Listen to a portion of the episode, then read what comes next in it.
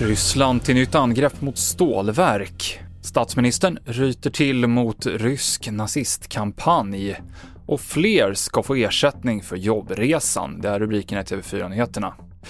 Ja, ryska styrkor har inlett en ny större offensiv mot stålverket Azovstal i Mariupol där hundratals människor fortfarande söker skydd.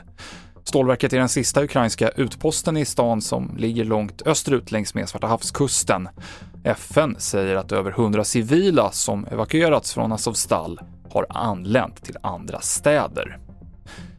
En reklamkampanj som pekar ut Astrid Lindgren och andra kända svenskar som nazister har dykt upp på busskurer runt om i Moskva.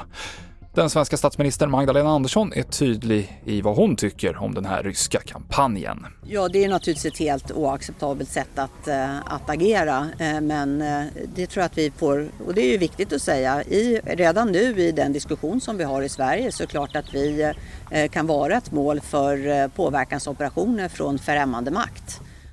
Sverige och Finland kan räkna med tysk uppbackning om länderna söker medlemskap i NATO. Det sa den tyska förbundskanslern Olaf Scholz idag. Scholz och hans regering har träffat Magdalena Andersson och Finlands statsminister Sanna Marin för att diskutera säkerhetspolitik och eventuella NATO-ansökningar från Sverige och Finland. Och i Sverige kom idag ett nytt förslag om reseavdrag. Alla som har minst 3 mil till jobbet i storstadskommuner och 15 kilometer i övriga landet ska få en skattereduktion, alltså avdrag på skatten, oavsett hur man tar sig till jobbet. Eh, att skattereduktionen är färdmedelsneutral innebär också att en person som till exempel pendlar långt med tåg eller buss eller som samåker till jobbet får samma skattelättnad som en person som åker egen bil samma sträcka. Totalt väntas det här förslaget innebära att 260 000 fler svenskar kommer att kunna ta del av det nya reseavdraget.